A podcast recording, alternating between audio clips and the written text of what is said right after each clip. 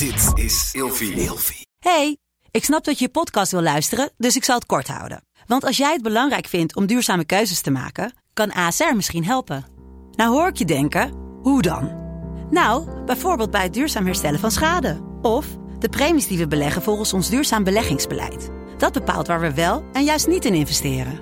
Wil je meer weten over welke duurzame keuzes ASR maakt? Ga dan naar asr.nl slash duurzame keuzes. ASR doet het. Zo, dan kan je nu lekker naar je podcast luisteren. Vroeger. Meneer de Munnik, we bespreken deze week het onderwerp dinosaurussen. En in deze aflevering hebben we altijd een verhaal in de categorie Wist je dat? We gaan het hebben over Nederland. Want waren er eigenlijk dino's in Nederland? Ja, ik vind dat een hele goede vraag en ook zelf heel interessant. Omdat ik als, als kind ook bijvoorbeeld eh, naar haaientanden heb gezocht. En dan ben je ook een fossiele jager. Ja. En je vraagt je dan af, waren er dan ook dinosaurussen in Nederland? Waren dat dan dinosaurussen die op het land leefden? Of dinosaurussen die in de lucht leefden? Of in de zee? Nou, die, dat, die laatste categorie, die hebben wel degelijk in Nederland geleefd.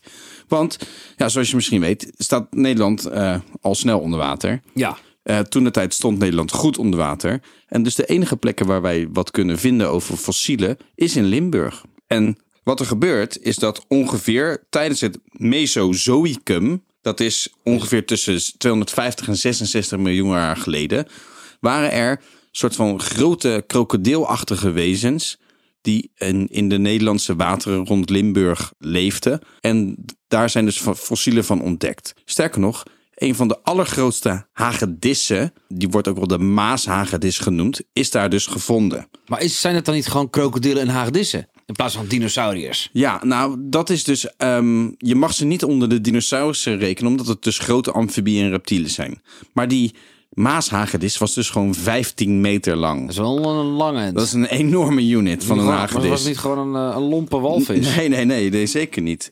En dus die, um, die beesten leefden dus van allerlei uh, vissen en schelpdieren en noem maar op. En die, ja, die fossielen zijn dus in afzettingen van de Sint-Pietersberg gevonden. Ook zijn er is, er is één uh, skelet gevonden van een hadrosaurier. Dat is een soort, uh, soort dinosaurus met een eendebek die, die plantaardig eten. Of ja, een plantetende dinosaurus. En die, um, ja, die zal waarschijnlijk gewoon ergens in zee gelazerd zijn. En gewoon aangespoeld en daar gefossiel, gefossil, ge, gefossiliseerd zijn.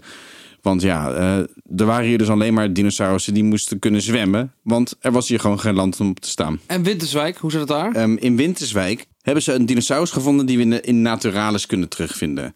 Um, die dinosaurus die wordt ook wel de Amatosaurus ge, genoemd. En die had afgeplatte zwempoten.